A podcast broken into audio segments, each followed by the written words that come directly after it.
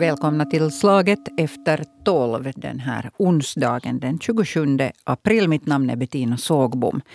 Eh, ja, eh, det nalkas till första maj här alldeles om några dagar och då blir det eh, säkert picknick i parken för många. Det blir kramar, högljudd sång, vintern rasat och kindpussas och allt möjligt annat sånt trevligt som hör årstiden och den här högtiden till. Eh, hur ska vi eh, bete oss nu med tanke på coronapandemin? Var befinner sig eh, pandemin just nu? Hurdant är läget? Det ska vi gå igenom här i Slag efter tolv idag tillsammans med eh, två favoriter i repris, ska vi säga. Nämligen chefsöverläkare Asko Järvinen, välkommen. Tack. Och hälsosäkerhetschef Mika Salminen från THL, välkommen. Tack, hej. Och det där, eh, nu har vi inte idag öppnat telefonlinjen hit, men jag tänker göra nu i alla fall så här. Och jag ger min, min egen e-postadress om ni har någon fråga. Inte några långa eh, haranger, de hinner jag inte läsa här. Men om ni har en konkret fråga så kan ni skriva helt till min egen e-postadress. Den kan jag få eh, läsa här precis från min telefon medan sändningen pågår. Bettina.sagbom yle.fi. Så skriv på och så försöker jag läsa upp och ställa de här frågorna till mina experter i studion. Allra först vill jag gå igenom lite siffror. Vad, vad är läget just nu? Om vi frågar Asko Järvinen med, med sjukhusläget. Alltså, vad har vi för mängd patienter på sjukhus? Jag tittar nära på, närmast på HUS-regionen mm. men att vi kan ju säga att vi har haft ganska stabilt med patienter. Att i HUS sjukhusen så har vi ungefär 60 80 patienter intagen på sjukhuset. Det har vi haft här under den senaste, ska vi säga, nästan två månader redan. Eh, och sen på eh, hälsovårdscentralsjukhus eller bäddavdelningar så har vi eh, drygt 100 patienter eh, varav ungefär en tredjedel kanske kom, har fått corona under sin, sin vård på sjukhuset. Att det har varit ganska, ganska stabilt men att det som är markant skillnad egentligen två skillnader. Det är det att på intensivvården så har vi inte just några patienter. Att om man tänker att vi har haft upp till 40, lite över 40 patienter som mest så nu har vi så att man kan räkna med e-, ena handens fingrar de patienter som vi har, att det varierar mellan noll till, till några. Eh, och det andra är det att på, på de avdelningar där vi vårdar patienter som kommer in på grund av coronasymptom, så har vi bara uh, ungefär en, en, en hälften eller 40 procent av alla patienter på hussjukhus. Uh, det vill säga att man kommer mera till sjukhuset med corona på grund av andra orsaker för sjukhusvården än corona. Men fortfarande har vi coronapatienter också. Mm. No, vad beror det på det här att, att vi har färre på intensiven till exempel på grund av corona? No, det, att det är bättre på intensiven beror på två orsaker. Det beror på det att vaccinerna, eh, vaccinen eh, skyddar väl mot de svåra eh, sjukdomsformerna. Att, att, och det är kanske den största. Och det andra är det att omikronvarianten ger en lindrigare sjukdomsbild. Eh, och det ser man också på patienter som vårdas på bäddavdelningar, att de är inte lika sjuka. Mm. De rasar inte eh, och blir, svår, blir liksom eh, svårt sjuka eller andfådda eh, så fort som, som de tidigare gjorde. Att, att, att hela bilden av sjukdomen har blivit annorlunda tack vare vaccinationer och eh, nya varianten. En av de patienter som befinner sig på sjukhus är rikets president Sauli Niinistö. Det har vi hört om och jag har sett att det har lett till en viss oro eh, i folk. Att, att oj, oj, kristider och alltihop. Men, men det, där, det att man hamnar in på sjukhus eh, trots, alltså med corona behöver alltså inte vara så eh, väldigt, hur ska vi säga, eh, dramatiskt. Inte, inte på samma sätt. Mm. Alltså de patienter hamnar inte från bäddavdelningen inte lika lätt i intensiven och de är, de är mindre sjuka. Det kan hända att de har andra sjukdomar. En stor del av patienter är mycket gamla, eh, över 80-åringar. Eh, och sen är det mycket sådana som har immunbrist, alltså eget immunsvar är nedsatt på grund av sjukdomen eller mediciner. Eh, att de präglar nu den patientbördan eh, som vi har på special, i specialsjukvården och de äldre i, i, i, i, sen i, i, i grundsjukvården, det vill säga hälsovårdscentralen. Mm. No, Mika Salminen, nu, nu det där så äh, nämnde jag här i början redan att till exempel nu det här veckoslutet så, så har vi första maj. Och det här traditionella sättet att, att fira är ju väldigt sådär fysiskt mycket kramas och pussas och högljutt sjungande. Eh, vad, du, vad tänker du kring den här kommande högtiden? Ska man fortfarande komma ihåg corona? Corona har ju inte försvunnit någonstans mm. och, och, vi har nu i två års tid liksom öva på att, eh, uh, vad, vad riskerna är. Jag tror att alla nog vet om alla. Samtidigt så är det ju så att vi har inga restriktioner för tillfället utan var och en bestämmer själv vad den gör. Och så måste det nog vara uh, liksom i framtiden att inte kan vi ju så att säga mikromanagera eller styra var, varje människas uh, beteende i, i all evighet. Att, att det där, uh, som sagt så vaccinen skyddar väldigt bra mot, mot uh, allvarliga sjukdomsformer, speciellt om du inte nu är ålderstigen. Sen förstås om, om du är ålderstigen uh, och lite sämre skick så, så, så, tror jag att människor nog ändå funderar på vad de gör. Mm. Och det finns alltså orsak till att komma ihåg ändå att eftersom, man inte helt släpper loss. Eftersom vi fortfarande, vi har haft alltså uh, ungefär fyra veckor nu klart sjunkande siffror. Ja. Så att, uh, både, både inom sjukvården, vi ser det på den nationella nivån också, också faktiskt, att, att uh, siffrorna går ner. Uh, och uh, sen förstås de här eh, de som får smittan har gått ner i fyra veckors tid, ganska dramatiskt också.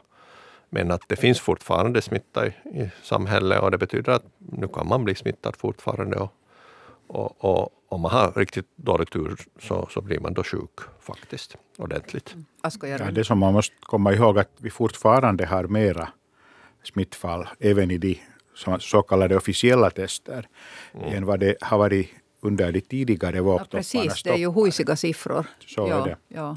Så att nu finns det smitta med, fast man nu firar den här vår vårkarneval, mm. Äh, Valborg, så, så mera utomhus kanske.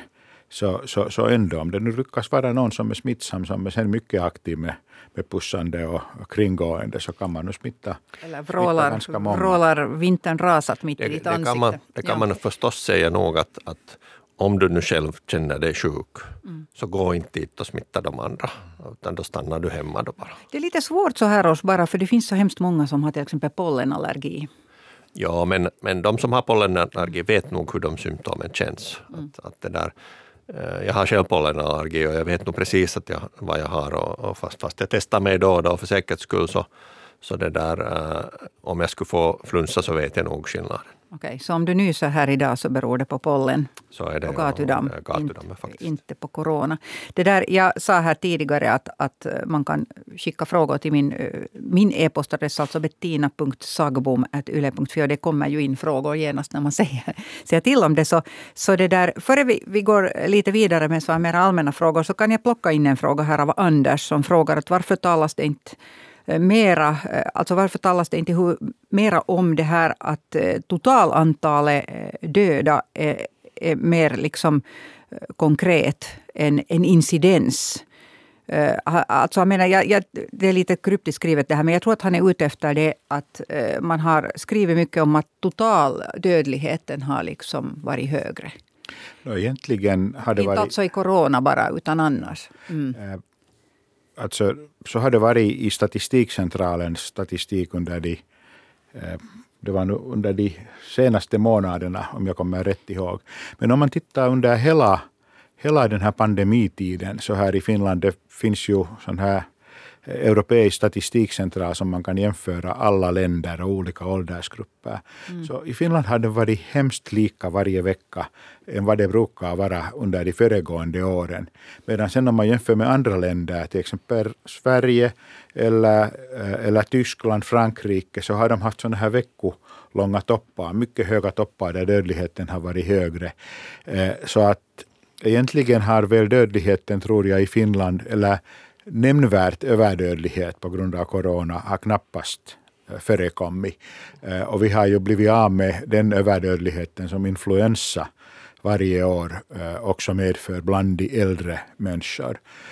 Så att det, det finns ju inga, inga, inga helt enkla, enkla liksom statistik eller måttstickor för, för en pandemi, att den här dödligheten är inte heller kanske den bästa. Och mycket hastigt, redan i början av, av den här eh, epidemin, så, så insåg jag och också försökte föreslå THL att, att man borde räkna, räkna döda lite på ett annorlunda sätt. De som har varit hemma och de som har varit på anstalt. Mm. Eh, att man liksom lite skulle titta. Men delvis får man det ju utav den här ålderskategoriseringen. Att om man tittar den mellersta, alltså medianåldern, mellersta som har dött eh, på grund av eller med corona, så har varit 84 år i Finland. Så att det kanske berättar att hälften har varit äldre än, än, än, än, än hon.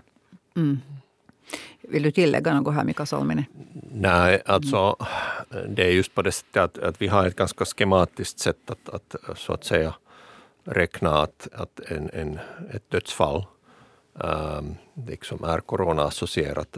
Och det grundar sig på, på WHOs och, och eh, Europeiska uh, smittskyddscentralens rekommendation som säger att om du har haft ett positivt coronaprov inom 30 dagar mm. före uh, det att döden inträffar så, så räknas det då som en mm. coronadöd.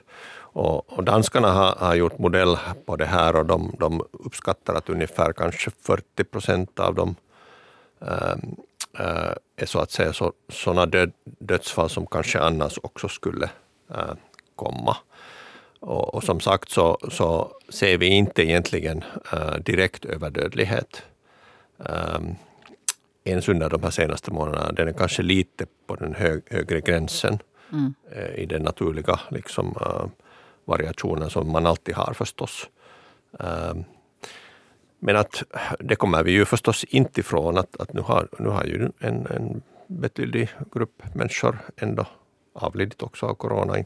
Vi kan inte egentligen hindra det. Vi har inte något verktyg som vi kan egentligen hindra det med. Mm, kineserna försöker ha ett verktyg. Det har skrivits väldigt mycket om det. De envist försöker få alltså den här nollcorona. Att, att det ska inte finnas, de ska utrota hela sjukdomen. Och det har haft tragiska konsekvenser med folk som har blivit inlåsta i sina hem först och sen med våld förts till sådana här karantäncentraler. Eh, folk stått, det har spritts videon av folk som står på balkongen och skriker att jag är hungrig. Mm. Du har alltså blivit inlåst i ditt hem utan möjlighet att gå och handla. Eh, folk har lämnat sina husdjur hemma och blivit inlåsta någonstans. Eh, alltså väldigt sådana scener som egentligen kan utspela sig bara i sådana länder med sådant statsskick där det går att, att göra så här med folk, skulle jag vilja påstå. Men vad, vad tänker ni? Alltså, går det att utrota corona? Är, det, är kinesernas kamp helt onödig här nu eller vad, vad säger ni? Med de verktyg som vi har för tillfället så går det nog inte. Det finns inte helt enkelt något sätt att bli av med viruset. Ehm, vi har inte sådana vaccin som, som fullständigt skyddar mot, mot smitta. Ehm, de skyddar väldigt bra mot, mot allvarlig sjukdomsform. Mm. Ehm, men de skyddar, skyddar inte fullständigt mot smitta. Kineserna har ju inte ens vaccinerat äh, största delen av befolkningen. de har faktiskt vaccinerat största delen av befolkningen men att, men att med sina egna vaccin. Um, och de vet vi inte så där jättebra om hur bra de uh, ger skydd, men inte, inte, inte finns det något tecken på att det skulle vara desto bättre än någon annanstans. Um, så att då måste man liksom hålla samhället stängt i evigheter och är det nu sen ett, ett liv som man vill leva. Att, eh, tack och lov kan vi här rösta om den saken. Men mm. vissa andra länder så är det inte så enkelt. Nej, men nu är det ju svårt som man ser i, i Shanghai också att det kommer dit ändå. Mm. Eh, när det finns runt omkring i världen. Och, och, till den här dödligheten måste man ännu poängtera att om man tänker globalt så har det ju dött väldigt mycket människor mm. under den här coronapandemin eh, i många länder. Att, att, att vi ska inte underskatta den, den mängden. Eh, men att om man tänker på de här restriktionerna som kineserna gör, som man såg ju egentligen redan med sars-epidemin mm. för 20 år sedan. Eh, att, att, att hur det gick i kanske i de asiatiska länderna, kanske lite mer totalitära länder, lättare att göra sådana här karantänåtgärder. Vilk, vilka man då tänkte att var helt omöjliga i, en västerländsk, i ett västerländskt samhälle. Och när jag tittar själv på mina eh, diabilder från den tiden så tyckte man att det var omöjligt då. Men det är ganska likadana eh, metoder som vi har tillämpat här under de två senaste åren. Ja, du menar det här till exempel att man inte kunde åka över, över kommungränsen? Över gränserna, ja, sätta människor i karantän ja. eh, i, i den utsträckning som vi har gjort. Att då tänkte man för 20 år sedan att det inte går. Mm. Men vi hade ju inte sars, vi fick inte uppleva den, den liksom epidemin då. Men, men, där måste man ju nog tillägga det att, att det att man gjorde så här så utgick ju ändå från då den liksom tanken att, att vi får ett vaccin. Mm. För till evigheter kan man ju inte göra så här. Nej. Att, att om, om vi inte skulle ha fått ett vaccin så vet jag nu inte riktigt att vad, vad vi skulle vara. Nej, vaccinet kom väldigt fort. Ja, mycket snabbare än man trodde. Här strömmar in e-postfrågor. Jag kommer alldeles just att börja beta av dem. Jag har en fråga till här som, som jag måste helt enkelt hinna ställa. Att inte riskera det. Det är det att eh, den här vetenskapliga tidskriften eh, Nature har skrivit, eh, och våra kvällstidningar har också plockat upp det här, skrivit om svenskarnas sätt att hantera pandemin. Och där skrivit eh, bland annat om, om plocka fram sådana detaljer som att eh, svenskarna valde att om du är över 80 så har du inte tillgång då till ehm, eh, sjukhusvård. Eller vad det nu, intensivvård. Det kan hända att det är det som avses. Eh, ifall du eh, insjuknar i covid-19. Och bland annat så har de haft ett, då ett viktindex som nog har varit jättehögt, alltså 40. Då är man väldigt, väldigt bär på väldigt mycket övervikt. Eh, alltså vissa människogrupper så har man konstaterat att det är ingen vits att ge dem sjukhusvård nu för covid-19 för att de kommer ändå inte att klara det. Och det här lyfts upp i den här rapporten och också av våra kvällstidningar. Så ja. vad, vad tänker ni om det här nu, det här byktvättande Eh, och, och, jag vet att åtminstone Asko Järvinen har hunnit läsa den här Nature-artikeln. Ja, han har läst den också. Jag har, lite, två, ja. jag har nog lite tittat på den, mm. men jag har inte hunnit ruta den kanske ut i botten. Men att, ja. men att själv tyckte jag nog att det var, att det var, var nog en invinkling, eller de som skrev den, som var mera kåseriaktigt kanske än riktigt vetenskap. Att, att de hade själva en egen, egen tanke på saker, hur de ska skötas. Eh, men att klart är det... Menar du att de hade en agenda? no, nu kommer det fram där tycker ja. jag. Eh, men att, men att det som är klart är det att svenskarna har haft det väldigt svårt under pandemitopparna. Att om man tänker att under den första pandemivågen, då, vågen, då två, två år sedan, så, så hade de mera intensivvårdspatienter än vad de hade intensivvårdsplatser före pandemin i hela landet. Så det är säkert så att de har hamnat gallra på även kanske yngre människor mm. som skulle klara av klara av liksom, eh, intensivvården eller kunna ha chanser att överleva. Men att sen när man kommer till mycket gamla och mycket sjuka människor så brukar de inte överleva intensivvården som är väldigt tung. Att det som nu kom fram här just nu att, att, att, att vi har över 80-åringar på intensivvården men de flesta har så pass mycket grundsjukdomar att för dem går det inte att överleva. De klarar inte av många dagar intensivvården som är så pass tung. Ja, så det uttryckligen talas om intensivvård, inte att man inte skulle få vård? Äh, det kan hända att de inte heller har fått mm. vård på, så på, på sjukhemmen för att ja. de har haft väldigt mycket också gamla människor som har dött. Samma sak har det visserligen varit i Finland om man har, varit mycket dement och man väntar på döden redan så då har man inte flyttat in till sjukhuset. Mm. Eh, men, att, men att annars har ju äldre människor fått den vården som man har kunnat erbjuda åt dem som har varit liksom inom eh, gränserna det, vad deras kropp kan, eh, kan liksom klara av, klara av eller ta, mm. ta, ta sen. Att, att, att svenskarna har nog säkert haft svåra, svåra liksom situationer. Jag tror nog att den diskussionen pågår ännu eh, när man kommer över här, eh, här i Sverige lite mera också. Mm. Ja, säkert. Alltså, med facit i hand så är det ju nog klart att, att, att Sverige gjorde vissa val som, som uh, man efterskott kanske inte skulle ha gjort. Alltså man litar på en flockimmunitet i ett ganska tidigt skede? Man kanske hängde fast vid den, den så att säga modell av, av pandemihantering som, som uh, fanns i de här liksom, uh, förhandsplanerna, kanske lite längre än andra länder. Mm. Det som kanske är, är värt att, att, att notera om den här uh, artikeln i sig, den är ju inte publicerad i liksom Nature Nature. Aha, okay. utan, det, utan de här topptidningarna har nu för tiden en massa sådana undertidningar som är liksom specifika för något. Och det var ju bra att ni var här nu idag för att förklara det, för jag trodde nog liksom att det var riktigt... specialområde och det här är mera Natures liksom samhällsvetenskapliga ja. och det är mer en polemikartikel än kanske en vetenskaplig studie i sig. Ja, men sen måste man ju också, när man jämför Finland och Sverige så, så skillnaden kanske var politiskt engagemang. Mm. Att, att, att, det var ju det som liksom svensk, Sverige inte hade. Eh, och de hade inte lagar heller för eh, sådana här undantagstillstånd på samma sätt som vi i Finland har haft. De har ju egentligen inte haft undantagstillstånd sedan mm. 200 år tillbaka. Mm. Eh, så, att, så att kanske hela samhället inte var lika beredd, eh, varken mentalt eller sen lagberedande eller sen politiskt att ta det ansvaret som andra länder eh, hade. Politikerna gav lite över ansvaret till, till liksom, uh, tjänstemännen. Och en sån här liksom, totalkris är det inte kanske det bästa sättet att sköta saker. Mm. Och också till den enskilda medborgaren, vilket lyfts fram i artikeln. Mm. Man sa att man gav ett väldigt stort personligt ansvar åt folk, vilket man tenderar att göra i Sverige på gott och ont. Det där, nu måste jag börja bo, beta av de här frågorna eftersom de strömmar in här. Och det där, helt väldigt, en Leif i Sibbo frågar när får vi 78-åringar vår fjärde dos? Kort, konkret fråga. No, uh, vår alltså, vaccin alltså dos. Mm. Vaccinexpertgruppen uh, uh, som möts på fredag de ska diskutera bland annat den här frågan. Att ja, jag har inte svar på det ännu men att vi får se.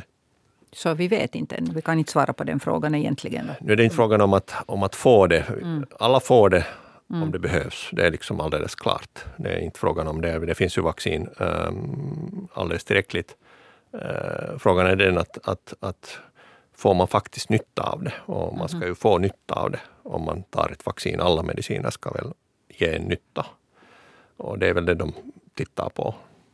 Här kommer flera frågor om, om vaccin. Här är en som eh, en Barbro frågar. Eh, jag skulle vilja veta om jag alls har något skydd mot omikron. Då mina två första vaccin var AstraZeneca och det tredje Pfizer. Det tredje fick jag i december och jag är 68 år gammal. Det har sagts att AstraZeneca inte alls skyddar mot omikron frågar Barbro. Nej, det, det, det är nog, uh, situationen är helt bra nog. Faktiskt finns det, finns det nu för tiden ganska goda studier om, om de här liksom kombinerade vaccinerna. Och, och, det kan till och med vara så att hon har lite bättre än de som har fått bara Pfizer. Som det jag, hörde jag också tidigare, att det var bra att blanda de här. Och Moderna ja. har väl också blandats med någonting annat. Så är det. Ja. Och sen måste man kanske påpeka att de här båda som har frågat, 67 och 78-åringen, så borde ha väldigt bra skydd mot en svår infektion. Precis. Alltså att fast de skulle insjukna så är, är sjukdomen mycket lindrigare än vad det skulle vara utan de tre vacciner som man här tittar. Och sen när man mm. talar om, om, om, om, om fjärde vaccindos så måste man komma ihåg, man ganska mycket titta på, på siffror från Israel. Mm. Och där gav man ju de mm. första vaccinerna mycket tätt in på varandra. Så att egentligen tre vacciner i Israel som motsvarar närmast två vacciner här i Finland. Att egentligen här när Israel vaccinerar för fjärde gången så har vi egentligen gjort den med tre vaccindoser redan. Och det här är någonting som, som liksom lite blandas i diskussionen och, och, och också utav de som experterna som talar uh, ut så kanske inte kommer ihåg att, att Israel är lite annat än Finland. Här, här, finns uh, flera frågor faktiskt om vaccin. Här frågar Johanna. Jag har fått två vaccin under de senaste tre månaderna. Eh, den andra för sju veckor sedan. Nu har jag insjuknat de två första dagarna med hemsk värk i hela kroppen. Efter eh, det alla de kända symptomen med feber eh, upp till 38 grader. Lukt och smaksinnet är OK. Och så frågar hon så här att borde nu inte skyddet ha varit extra starkt? Då vi, ger, vi vet att egentligen ja. de här vaccinerna under de två, tre första månaderna ger bara ungefär 50 procent skydd mot en infektion. Så att hälften får en infektion och man kan bli sjuk också. Mm. Eh, också kraftigt sjuk. Att det inte kan hända att ju äldre man är, eh, liksom immunsvaret reagerar hårdare så blir sjukdomen ofta eh, lite eh, starkare. No, borde hon nu då ha ett jättestarkt skydd då hon har fått de här två vaccinerna och nu är hon dessutom sjuk. Så efter det här borde hon då vara extra no, skyddad? Eller? om det är fråga om omikron, den här sjukdomen. Jag, Ja, det det jag kan ju inte läsa mellan raderna Nej. vad hon menar med den. När det kommer så här pass sent så är det knappast vaccinreaktion utan det är antagligen någon infektion. Och om, det, om det skulle vara omikron så har hon säkert bra skydd här åtminstone över sommaren. Men att som vi vet, vi får ju inte så som för vanliga flunsor. Så vi får ju ingen skydd mot, mot den här coronaviruset utan vi får ju flunsa varje år på nytt.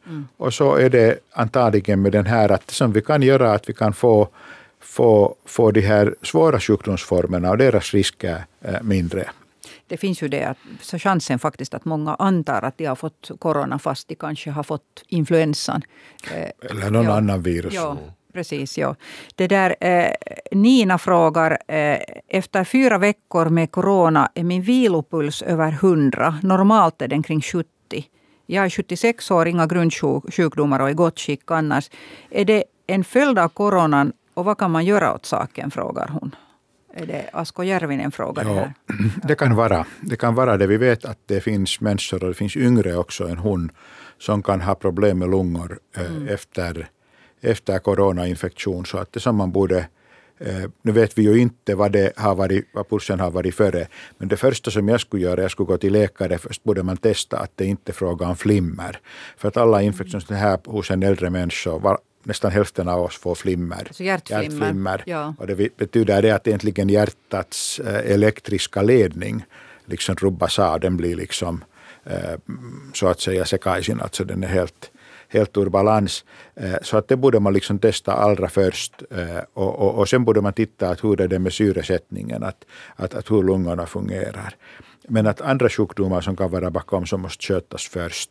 Eh, först. Och sen, sen kan man börja fundera att är det, är det corona. Och tyvärr har vi hemskt lite annat än tid än att vänta och lindra symptomen för de här långvarigare eh, symptomen. Men att hos de flesta så tycks de gå, bli bättre med tiden. Här är det där, eh, alltså det strömmar faktiskt in mycket frågor på, på min e-postadress, alltså bettina.sagbom.yle.fi är det idag som jag har gett åt er att, att ställa frågor till Asko Järvinen, chefsöverläkare och hälsosäkerhetschef Mika Salminen från THL som är här studiogäster i Slaget efter tolv idag. Och eh, Thomas har skickat in till mig eh, från THLs sida, själv, eh, era grafer och kurvor här och, och säger att, att här syns ju tydligt att det högsta coronarelaterade dödsantalet under pandemin är just nu och att trenden är på stigande. Och då frågar han, corona andningsskydd så skulle ju ändå vara då viktiga och borde rekommenderas? Frågetecken. Han förstår inte riktigt varför man inte rekommenderar det nu då läget är sådant. No, det, det stämmer att, äh, att alltså dö- dödlighetssiffrorna, dödsfallens siffror är, är högst nu äh, från, från liksom hela tiden. Men här måste man minnas det att de här kommer med nästan 30 dagars försening. äh, De här dödlighetssiffrorna på grund av hur, hur det här systemet är uppbyggt. Och det betyder det att, att, äh, att, vi inte, att, att den här dödligheten går ner mycket långsammare än, än de här fallen i sig. Så att vi har en kraftig ned, nedgång i, i fallen, äh, men att vi ser den, kommer att se den här dödlighetssiffran att gå ner. äh, Hur mycket senare. släpar siffrorna efter? Alltså? Nästan 30 dagar. 30 dagar? Inte alla, Ja. men, men en stor del av dem kommer liksom, äh, åtminstone med två veckors äh, försening. Om vi ändå tar frågan om andningsskydd som han ställer. No, andningsskyddet har egentligen inte eh, så hemskt mycket med den här saken att göra för att eh, nu problemet är det att, att om vi vill liksom hindra smitta eh, så borde vi gå tillbaka till det här nedstängningen av sam, samhället. Omikron stoppas inte med andra medel. Och, och, och det här andningsskyddet i sig så, så stoppar inte mera epidemin i befolkningen, tyvärr. Men kan man ännu Man skydda själv, sig? själv förstås använda Men kan man skydda sig själv om man är Man orolig? kan, man kan förstås äh, använda andningsskydd och, och då om man är riktigt orolig så lönar det sig utan vidare då att använda det här bättre. Bättre att man inte har den här kirurgiska masken om det bara passar en. Alla klarar inte av det äh, för det är ett visst motstånd där och sen mm, be- beror det lite på hur den, hur den sitter. Men man måste nog vara hemskt, hemskt systematisk med Så, det. så den skyddar, jag bara vill understryka, den skyddar alltså bäraren också? Den Ja, alltså man måste komma ja. ihåg att de skyddar bäraren mycket väl. och Man måste komma ihåg att på sjukvård, i sjukvården så har vi ju använt de här kirurgiska masker för det mesta. Eh, nu också, för när vi har vårdat äh, tagit hand om coronapatienter. Mm. Att, att, att med masker kan man skydda sig själv, mm. äh, men också skyddar man ju omgivningen. Äh, kan, man kan tänka sig att man tar hänsyn till de andra som inte ännu har fått smittan, att man bär på mask. Men att å andra sidan kan man ju förstå att när hela tiden stigande eh, andel av befolkningen nyligen har haft sjukdomen, så de kanske inte vill eller, eller anser att det är nödvändigt att använda masker. Mm. Och sen vet vi också det att, att masker i samhället, Amerikas smittskyddsverket har, har, har räknat ut att, att optimalt då alla använder masker så kan man få 10 procent av alla smittfall ner med maskanvändning. Så att på det sättet är det inte svaret på den här mm. stigande eh, dödligheten, utan stigande dödligheten beror på det att vi har haft mest smitta och då har vi, då har vi också haft många äldre eh, som har dött inom 30 dagar utav det att de har konstaterat smitta eh, så att corona har varit med där. Mm. Ganska många fall säkert en, en av orsakerna. Men att det att vi fortfarande skulle liksom eh, med allmän maskanvändning kunna förhindra det, så det, det, det, det har vi ganska lite effekt, mm. effekt av. Ja, här, är, här är Mikael som har skickat in en sån här fråga. Att, att kan man i sommar arrangera stora eh, andliga sommarmöten som samlar tiotusentals gäster? Och han ger som exempel Estadianernas stormöten. Att, att det där finns det restriktioner för sånt här ännu. Inte finns det några restriktioner. Det var det jag tänkte. Vad, vad jag ja. vet åtminstone. Utan man ska använda sitt egen... Det är nog fritt fram om man vill ja. ordna. Vill man ordna så ordnar man helt enkelt. Det, alltså. det hindrar ju inte en att, att liksom uh, fundera på, på de här riskerna då när man ordnar dem och, se till att det finns då, uh, då desinfektionsmedel och, och, och det där, uh, titta lite på hur det ordnas. Att, att, att om det är möjligt så har man lite mera plats och, och så vidare. Men att, mm. men att några restriktioner finns det ju inte kvar. Eh, Mikaela frågar, är det okej okay att ännu också uppmuntra barn att ha mask på i våra skolor? Och det här förekommer eh, olika i olika kommuner. Till exempel i Borgå. Jag vet själv att vi hade en nyhetsgrej om det för några dagar sedan där det faktiskt betonades att i Borgå till exempel så uppmanar man barn i skolan. Är det, är det liksom okej? Okay? har inte eh, på lång tid haft uh, någon rekommendation om att man skulle behöva använda mask i, i skolorna eller för barn. Men vissa kommuner har ju dragit den här linjen. Kommunerna får mm. göra sina egna, egna beslut om Jag saker. Jag tror att hon är ute efter er åsikt. Uh, vår åsikt har ju varit det att, att uh, vi inte rekommenderar masker mm. brett för tillfället som en samhällsåtgärd. Vi säger ju inte att man inte får använda masker. Mm. Det är klart man får. Och sen vet vi egentligen i skolor också att de visserligen skydda masker där i, i, i klassrummet där man använder dem, men att sen många smittor går ju bland med kompisar som är utanför klassrummet. Att, att maskernas effekter är, är, är ganska begränsade i skolvärlden eh, och de kan ha eh, negativa konsekvenser på hur man lär sig till exempel främmande språk eh, eller, eller, eller kommunikation mm. och an, liksom sån här Eh, Eh, från ansiktet. Om eh, och man kommer ihåg tillbaka att hur de kom i skolorna kom de kanske då att de hade mycket stigande siffror och man inte hade några andra medel så att säga att in, ingripa så var det många som tänkte att man, där samlas ju många av eleverna att de kan hämta e-, eventuellt hem eller byta virus från hem till ett annat. Eh, och, då kom maskerna dit. Redan då visste man att de kanske inte är så hemskt effektiva.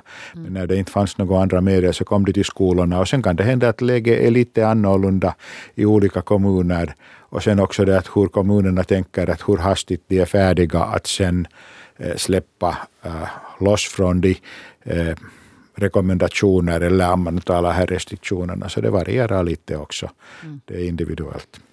Eh, här är en, Stina, eh, en fråga av Stina som frågar att hon lider eh, av svår astma, är 71 år gammal, har fått tre vaccin och undrar att, att hon är fortfarande funderat hur orolig ska hon nu vara att, eftersom det nu berättas att, att hemskt många nu blir smittade ändå. Så är det den här astman fortfarande, trots tre vaccin, en sån här no, orosmoment? Astma har, vad jag har sett så astma har inte varit bland de bland de, ska vi säga, värsta riskfaktorerna för en svår infektion mm. överlag, om den inte är mycket svår. Så att i hennes fall säkert är det, är det åldern och sen astma kommer delvis med, men att, men att tre vacciner borde ge ganska bra skydd för en svår infektion. Att nu skulle jag själv börja vara lite färdig att Eh, så att säga öppna dörren till samhället så småningom åtminstone, eh, om nu inte genast så åtminstone antar jag nog att, att smittsiffrorna kommer ner här inom de närmaste veckorna. Att sen, mm. sen när vårsolen lite värmer mera så, så skulle jag släppa loss. Där fick, fick Stina ett, ett konkret råd. Att, för det är ju inte heller hälsosamt att helt låsa sig inomhus och, och undvika folk i, i det oändliga. Eh, här är en fråga som jag väntar mig att faktiskt komma. Varför inte använda Ivermectin eller hydroxylklorokin eller klorosin eller vad du säger, i första skedet av sjukdomen. Och, och det här andra tänker jag inte bry mig om. Men det här Ivermectin kommer hela tiden upp i olika sammanhang. Och, och det påstås i sten ja. att det ge, har bra effekt. När man har en ny sjukdom som man inte har något botemedel så är vi alla ivriga att söka dem och vi faktiskt prövar för några patienter hydroxyklorokin mm. Eh, på hus också utan att se någon, någon, någon effekt. Svenskarna gjorde samma sak. Med Ivermectin har det gjorts många studier där det finns många som ger lite positiva resultat, men de nyaste och största visar klart att den inte har någon effekt. Mm. Eh, eh, och, och, och, och det har också producenten, läkemedelsfabriken som producerar den, sagt den tidigare att man inte borde göra det. Och, och, och, och därför har det inte gjorts och vi har inte behövt den. Man måste också komma ihåg att den, det landet som har använt kanske mest Ivermectin är Indien. Mm. Och där har det varit mest döda på grund av coronan. Att redan det kanske säger att det knappast har haft någon större effekt heller. Mm. Sen i något skede pratades det mycket om att folk också experimenterade själva och tog, tog sådana doser som var menade för hästar eller något sånt. Och det är inte Ja, det, var, det var kanske amerikanska, amerikanska läkemedelsmyndigheter ja. påminde att när det används i största hand ja. Eh, som avmaskningsmediciner mm. hos djur så att, att, att ni är inte hästar eller kossor att ta inte deras mediciner. Nu flyger tiden iväg igen och nu tänker jag ta sist här en fråga som, som jag hoppas ni kan svara någorlunda kort på så att inte, att inte tiden tar slut i mitten. Men, men det, där, ehm, det här med long covid har det pratats mycket om. Eh, om man nu insjuknar i corona, hur ska man undvika att bli långtidssjuk? Nu läste jag någonstans att det finns eh, någon nyzeeländska forskning i alla fall som säger att, att det är det att man borde kunna ta det fast man så att säga känner sig frisk. Ta det lugnt och inte höja pulsen upp till tio dagar efter att man varit sjuk. Kan ni underskriva det här eller? Jag, jag måste säga att jag vet inte. Ja. Jag tror inte att man kan riktigt. Jag tror att det är någonting som kommer antagligen ur eget immunförsvar eller annat. Antagligen finns det många olika orsaker till long covid. Eh, att det, det kanske det bästa att försöka undvika den ett av vacciner. Det har man bevis på att då har man mindre risk för en long covid. Asko är experten här, men att mm. nu är det ju eh, så att säga generellt rekommendationen den att om du har haft en, en liksom, uh, sån här uh, andningsinfektion så, och varit sjuk, uh, haft feber, mm. så ska du ta det lite lugnt. Man ska inte genast fara och springa ut på länk. På länk eller, mm. eller på maraton eller någonting sånt, utan du ska, du ska då ta det lugnt en tid för att det kan bli följdsjukdomar. och allt. Jag, jag har faktiskt bekanta som det har hänt åt, alltså som är relativt unga, friska människor och som, som hade båda tillsammans, ett par eh, som bor nära mig och de hade båda eh, insjukna då och sen kände de sig jättefriska och så började de med fredligt humör renovera, fortsätta på sin renovering och de blev båda sjuka på nytt. Och den här gången var det mycket jobbigare. Så att, att det kanske är helt sunt förnuft att helt enkelt no, ta det lugnt. No, nu är det kanske ja. det, och den här liksom coronainfektionen är egentligen sån här bifasisk, alltså tvåvågigt mm. sjukdom. Att först har man den här virusvågen och sen kommer andra vågen mm. Eh, där immunsvaret på något sätt attackerar det mest, för det mesta döda viruset. Eh, och det är ju då som människor hamnar inte i sjukhuset, det här andra, andra så att säga sjukdoms Eh, Eh, attacken eller sjukdomsvågattacken. Mm. Eh, eh, och det, samma kan ju hända för andra. Att det, då kan det hända att man liksom lite förstärker sitt immunsvar. Men vi vet inte. Det här är allt som man spekulerar bara. Jag måste nog sträck här för jag vet inte vilken av mina kollegor tar över sändningen idag och var den sitter ens. Så att vi måste ge lite tid för dem att förbereda för långt väder och sådant. Jag tackar chefsöverläkare Asko Järvinen eh, från HUS och hälsosäkerhetschef Mika Salminen som deltog i Slag efter tolv idag. Eh, en ny eh, debatt blir det imorgon samma tid, samma kanal. Mitt namn är Bettina Sågbom.